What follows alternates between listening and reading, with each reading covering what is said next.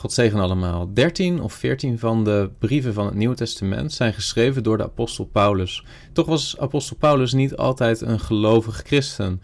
En de bekeringservaring van Paulus doorbreekt veel christelijke clichés. Clichés zoals de uitspraak dat de Heilige Geest een gentleman is die nooit onze vrije wil zal doorbreken, die nooit binnen zal komen in ons leven zonder uitnodiging van ons. Laten we eens wat dieper inzoomen op het getuigenis van Saulus en hoe hij tot geloof is gekomen, de radicale verandering die plaatsvond in zijn leven.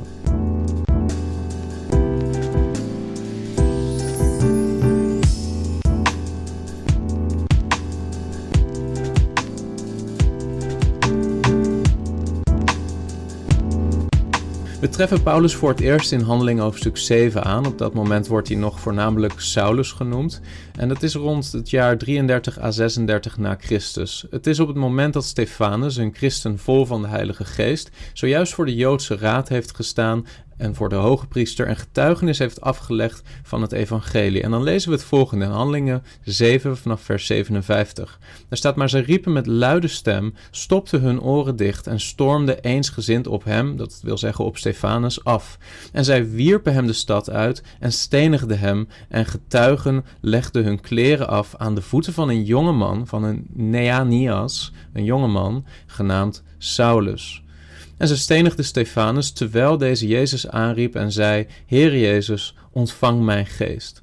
Dit is het eerste moment dat we Saulus ontmoeten. En Saulus is kennelijk betrokken bij de steniging van Stefanus. Hij staat erachter, hij keurt het goed. Hij zorgt ervoor dat eh, anderen hun kleren bewaakt worden door hem terwijl ze Stefanus aan het stenigen zijn. En Paulus beschrijft zichzelf in zijn oude leven in Filippenzen 3, vers 5 tot 6 als volgt. Hij zegt: Ik was besneden op de achtste dag uit het geslacht van Israël, van de stam Benjamin, een Hebreeër uit de Hebreeën, wat de wet betreft een Fariseer. Wat ijver betreft een vervolger van de gemeente, een diacoon ten ecclesian. Wat de rechtvaardigheid betreft die in de wet is, onberispelijk. Dus Paulus, hij was een serieuze fariseer. Hij was een serieus religieus man. Hij had misschien wel meer ijver dan wie dan ook in zijn tijd voor de God van de Joden. Maar dan staat er ook in Handelingen 22, vers 3. Daar zegt Paulus over zichzelf: Ik ben een Joodse man, geboren te Tarsus in Cilicië, maar opgevoed in deze stad, in de stad Jeruzalem. En aan de voeten van Gamaliel, en Gamaliel was misschien wel de meest gerespecteerde rabbi in die tijd, aan de voeten van Gamaliel op de meest nauwgezette wijze onderwezen in de wet van de vaderen, een ijveraar voor God, zoals u heden allemaal bent. Dus Paulus, hij was een fariseer. Hij was een vervolger van de christelijke gemeente, omdat hij het getuigenis van de Heer Jezus Christus als Zoon van God zag als blasfemie, als godslastering. En hij was een fariseer, hij was een zoon van een fariseer. En dan lezen we in Handelingen 8, vers 1 tot 3 dat kort na de steniging van Stefanus, waar dus Saulus ook bij betrokken was, staat er: Saulus stemde van harte in met zijn dood. En er ontstond op die dag een grote vervolging tegen de gemeente die in Jeruzalem was. En zij werden alle verspreid over de landstreken van Judea en Samaria, behalve de apostelen. En godvrezende mannen droegen Stefanus samen naar het graf en bedreven grote rouw over hem. Vers 3 van hoofdstuk 8. En Saulus begon de gemeente te verwoesten. Saulus verwoestte de gemeente. Hij was bezig om de gemeente van de Heer Jezus Christus kapot te maken. Er staat, hij ging de huizen binnen, sleepte mannen en vrouwen mee en leverde hen over in de gevangenis. En op andere plekken in het Nieuw Testament lezen we ook dat hij ernaar zocht om mensen om te brengen. Het was niet alleen een kwestie van mensen in een gevangenis stoppen, maar hij wilde mensen vermoorden, christenen vermoorden. Handelingen 9, vers 1 tot 2, daar lezen we verder. Saulus nu, die tegen de discipelen van de Heeren nog steeds brieste van dreiging en moord, ging naar de hoge priester toe en vroeg van hem brieven, in het Grieks epistolas, voor Damascus gericht aan de synagoge, opdat als hij er enige zou vinden die van die weg waren, die weg, dat wil zeggen van het christelijk geloof, het christelijk geloof werd in die tijd nog de weg genoemd, zowel mannen als vrouwen, hij die geboeid naar Jeruzalem zou brengen. En dit is interessant, dit trekt mijn aandacht, dat Paulus vraagt aan de Joodse leiders, overigens de naam Paulus of Saulus, waarschijnlijk had hij gewoon twee namen, heel zijn leven al, die allebei gebruikt werden. Dat was kennelijk vrij gebruikelijk in die tijd. Uh, sommigen geloven dat zijn naam van Saulus is veranderd in Paulus ergens na zijn bekering. Uh, maar dat wordt niet duidelijk beschreven in de schrift. En nogmaals, het hebben van twee namen was in die tijd best gebruikelijk. Uh, wel valt op dat in het begin van het boek Handelingen hij vooral Saul of Saulus wordt genoemd en later Paulus. En Paulus betekent klein. Um, en mogelijk is dat ook iets wat hem trok. Dat hij zichzelf liever als klein zag. Uh, vanuit de nederigheid die in zijn leven kwam op het moment dat hij opnieuw geboren werd. En daarom meer die naam is gaan gebruiken. Maar wat opvalt hier is dat hij naar die Joodse leiders gaat, zelfs naar de hoge priester. En hij vraagt om brieven, om epistels van de hoge priester die hem mandaat geven om de gemeente van de Heer Jezus Christus te vernietigen, om christenen op te pakken, gevangen weg te voeren vanuit Damascus naar Jeruzalem en vervolgens in een gevangenis te stoppen met uiteindelijk als ultieme doel om christenen te doden. En hij krijgt die brieven ook en dan is hij onderweg met die brieven naar Damascus. En daar schrijft hij ook nog over, of daar spreekt hij nog over in Handelingen 22, vers 4. Daar staat: Ik heb deze weg tot de dood toe vervolgd. Dus het was niet alleen maar gevangen nemen, het was tot de dood toe vervolgen. Ik heb zowel mannen als vrouwen gebonden en overgeleverd in gevangenissen. Zoals ook de hoge priester van mij kan getuigen en heel de raad van oudsten. Ik kreeg van hen zelfs brieven voor de broeders mee en ben daarmee naar Damascus gereisd om ook hen die daar waren geboeid naar Jeruzalem te brengen, opdat ze gestraft zouden worden. Let op. Kennelijk was dit zo'n belangrijk aspect voor Paulus dat hij er ook wanneer hij getuigt over zijn bekeringservaring weer op terugkomt. Over het feit dat hij brieven ging vragen bij die hoge priester en bij die Joodse raad om de gemeente te mogen doden. Brieven die hem gezag gaven om de gemeente te doden. En daarom heb ik in de titel van dit filmpje ook gezet de doodsbrieven van Paulus. Omdat dit brieven waren die, die dat doel hadden. En Paulus loopt daar rond als een man met zijn brieven. Hij zal geen koffer gehad hebben, maar hij had die brieven bij zich. En hij had zelf het initiatief genomen om aan die brieven te komen. En hier treffen we zo'n man die met die doodsbrieven rondloopt. En het is frappant dat juist deze man later de man is die zoveel brieven heeft geschreven in het Nieuwe Testament, die leven hebben gebracht aan de gemeente door de 2000 jaren daarna heen. Deze man die begon met doodsbrieven, is uiteindelijk de auteur van brieven die zoveel leven hebben gebracht. En daar waar hij de dood moest brengen onder het gezag van de hoge priester, mocht hij later na zijn bekering leven brengen onder het gezag van een hogere hoge priester, namelijk de Heer Jezus Christus. Dat is al een frappant aspect van die bekeringservaring van Paulus. Maar dan lezen we verder in Handelingen hoofdstuk 9, vers 3. En dan zie je hoe radicaal dit is wat hier gebeurt in het leven van Paulus. Er staat, terwijl hij onderweg was, hij is onderweg naar Damascus, gebeurde het dat hij dicht bij Damascus kwam en plotseling, dit was niet iets wat hij zag aankomen, het was niet zo alsof hij twijfels begon te krijgen, is het wel juist wat ik doe? Is de Heer Jezus Christus misschien wel de Zoon van God? Is hij wel de Messias? Nee, plotseling omscheen hem een licht, omscheen hem een licht vanuit de hemel. Vers 4. En toen hij op de grond gevallen was, hè, hij viel op de grond. Er wordt soms gedacht dat hij van een paard viel of van een ezel. Dat zou kunnen, dat staat er niet. Maar hij viel op de grond. Zo chockerend was dit. En dan hoort hij een stem die tegen hem zegt: Saul, Saul, waarom vervolgt u mij? Saul, Saul, time diokes. Waarom vervolgt u mij? Dit is iets wat je aan het denken zou moeten zetten. Dit is de Heer Jezus die spreekt tot Paulus, die verschijnt aan Paulus op zo'n intense manier dat Paulus niet op zijn voeten kan blijven staan. En dan vraagt de Heer Jezus, Saul, Saul, waarom vervolg je mij? Nou, Paulus heeft de Heer Jezus niet in levende lijven ontmoet. Tenminste, er is niets in de schrift wat daarop wijst. Sterker nog, de schrift lijkt aan te geven dat Paulus de Heer Jezus in het vlees nooit had ontmoet. Maar nu verschijnt de Heer Jezus aan hem en zegt de Heer Jezus: Waarom vervolgt u mij?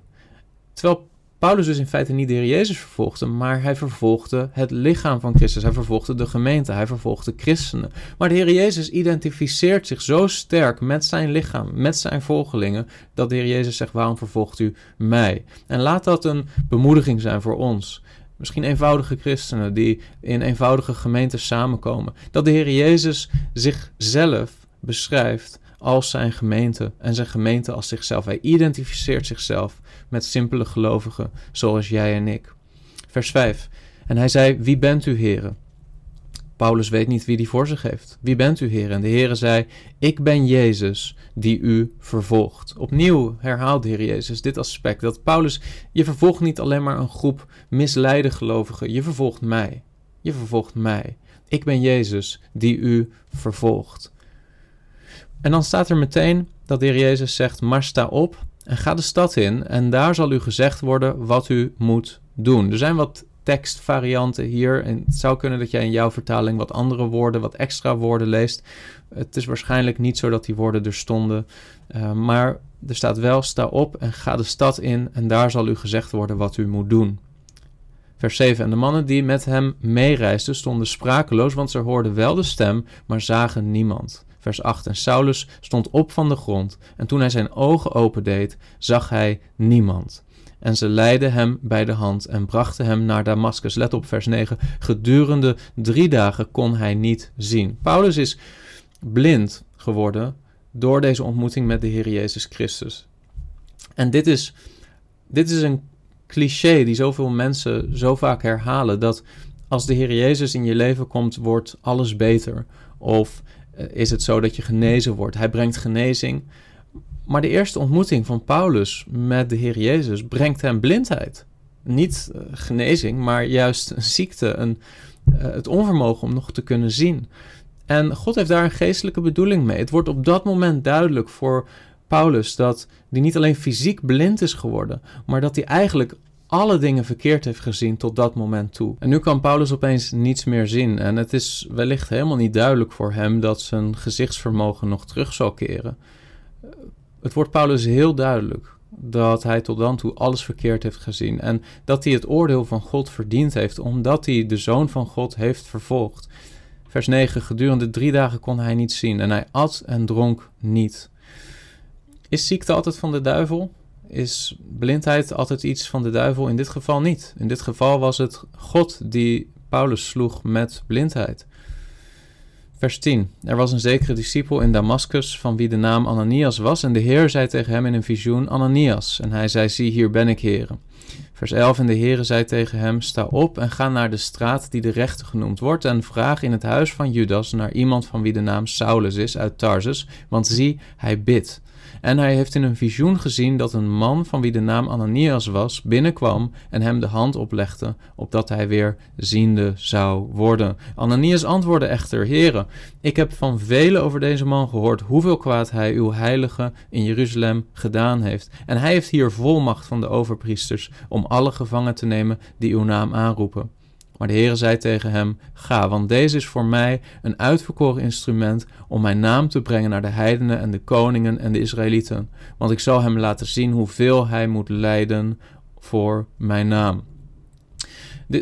Het is zo'n cliché dat we vaak denken dat als je christen bent en de Heer Jezus volgt, dat je daarmee allerlei lijden bespaard zult worden. Maar het tegenovergestelde is wat er gebeurt en wordt voorzegd over het leven van Paulus. De Heer Jezus zegt: Ik zal hem laten zien hoeveel hij moet lijden voor mijn naam. En toch is die een uitverkoren instrument. En dat is voor ons soms moeilijk, dat lijden in ons leven kan komen, terwijl tegelijkertijd God een bedoeling heeft met ons leven, dat we een instrument mogen zijn in zijn hand. Natuurlijk zijn we niet zoals de apostel Paulus. Natuurlijk is zijn status anders dan die van welke christen dan ook vandaag de dag. Maar het principe hier staat en staat nog steeds dat je een roeping kunt hebben om de Heer te dienen en tegelijkertijd moeilijkheden, lijden, verdrukking. En in dit geval was er ook een fase van blindheid, een ernstige lichamelijke aandoening, tot het moment dat Ananias bij hem komt. En dit is ook opvallend, dat in feite de Heer Jezus hem zelf had kunnen genezen, maar hij stuurt weer iemand vanuit zijn lichaam, Ananias, om Paulus de handen op te leggen. En dan staat er dat Ananias het huis binnengaat en zegt in vers 17, Saul, broeder, de Heer heeft mij gezonden, namelijk Jezus, die u verschenen is op de weg waarlangs u gekomen bent, opdat u weer ziende zou worden en met de Heilige Geest vervuld zou worden. Vers 18, en meteen vielen hem als het ware schellen lepides, als schubben of als schellen van de ogen. En onmiddellijk werd hij weer ziende. En hij stond op en werd gedoopt. En toen hij voedsel genomen had, vers 19, sterkte hij aan. En Saulus verbleef enige dagen bij de discipelen in Damascus. En snel daarna begint Paulus te prediken dat de Heer Jezus de Zoon van God is. Waren de oogproblemen van Paulus volledig voorbij hierna?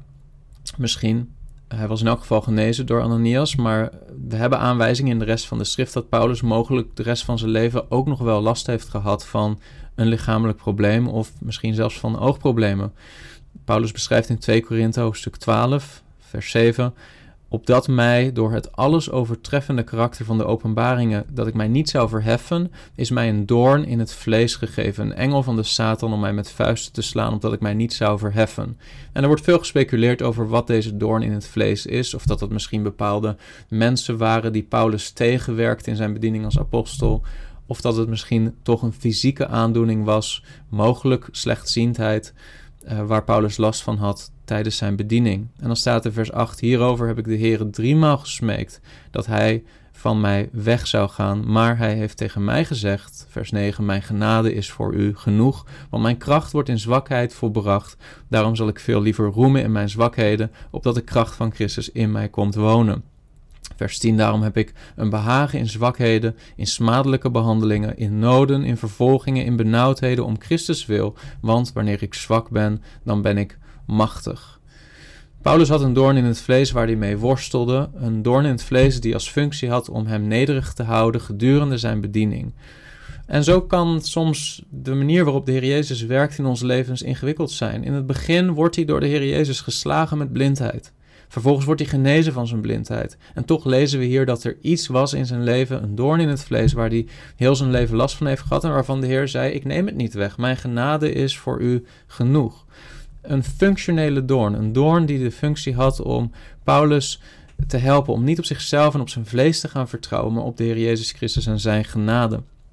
Mogelijk was dat een oogaandoening, want gelaten hoofdstuk 6 vers 11, daar zegt Paulus, zie met wat een grote letters ik u met mijn eigen handen schrijf. Met mijn eigen hand schrijf. Paulus dicteerde waarschijnlijk het grootste deel van zijn brieven.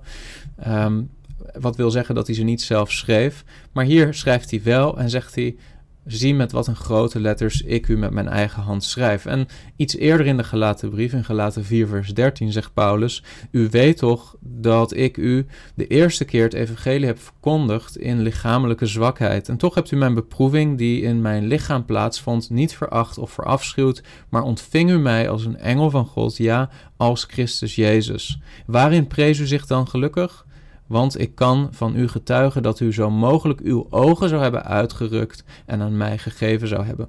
Dus hij beschrijft hier dat hij, toen hij ingelaten was, last had van lichamelijke zwakheid en dat mogelijker, hè, dat het mogelijk zou zijn de gelaten hun ogen zouden hebben uitgerukt en die aan hem zouden hebben gegeven.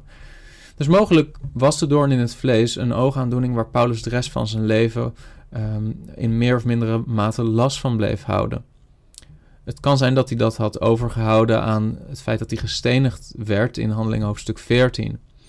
Maar terugkomend op het grotere plaatje. Deze man die eerder in zijn leven bezig was met doodsbrieven verkrijgen om de gemeente te vervolgen, is dezelfde man die na deze bekering zoveel levendmakende brieven heeft geschreven van het Nieuwe Testament, waar wij vandaag de dag nog steeds zoveel zegen aan ontvangen. En dat laat zien wat voor werk van genade God kan doen in het leven van een mens. De Heilige Geest is daarin niet afhankelijk van onze wil of onze keuze. Te zeggen dat de Heilige Geest een gentleman is, is totaal niet van toepassing op de situatie van Paulus hier. Het is een soeverein, reddend werk van genade, wat plotseling binnenkomt in het leven van Paulus. Jezus klopte niet op de deur van het hart van Paulus, hij trapte de deur in. En dat is iets wat hij nog steeds doet vandaag de dag. Want Paulus beschrijft zijn eigen bekering en zijn eigen redding als een soort prototype voor de ervaring die we vandaag de dag ook nog steeds kunnen hebben staat in 1 Timotheus hoofdstuk 1, vers 15. Dit is een betrouwbaar woord en alle aanneming waard dat Christus Jezus in de wereld gekomen is om zondaars zalig te maken van wie ik de voornaamste ben. Maar daarom is mij deze barmhartigheid bewezen, opdat Jezus Christus in mij, de voornaamste van de zondaars, al zijn geduld zou tonen tot een voorbeeld voor hen die later in hem zouden geloven tot het eeuwige leven. Dat de Heer Jezus met zoveel kracht en duidelijkheid verscheen aan Paulus, dat is iets wat eigen is aan zijn roeping tot apostel. Maar dat de Heer Jezus nog steeds door de prediking van het evangelie op plotse en krachtige wijze harten van mensen verandert, dat is iets wat vandaag de dag nog steeds normatief is. Het maakt niet uit hoe grote zondaar je bent of hoe ernstige zonde je ook hebt begaan. Paulus was een moordenaar. En niet alleen een moordenaar, hij vermoordde de gemeente van de Heer Jezus. Ja, zelfs de Heer Jezus zelf. Want Jezus zegt: Waarom vervolgt u mij? Maar God is bij machten om zelfs zo'n zondaar door de kracht van zijn genade te maken tot de grootste heilige en een dienstknecht van de Heer. Ik hoop dat deze boodschap jou bemoedigt om ook te blijven bidden voor mensen in je omgeving. Misschien ongelovige familieleden, misschien ongelovige collega's, mensen om je heen waarvan je menselijk gesproken zou zeggen: die zal nooit tot bekering komen. Die is zo duidelijk tegen Christus Jezus en het evangelie. Die is buiten het bereik van Gods genade. Paulus was, als, als hij iets was, was hij buiten dat bereik van Gods genade. Maar er is niet zoiets als buiten het bereik van Gods genade. De kracht van Gods genade is in staat om de grootste zondaar te redden en te maken tot de grootste heilige. God zegen. Heb je iets gehad aan deze video? Druk dan op like. En wil je vaker dit soort apologetische video's zien? Abonneer je dan op dit kanaal.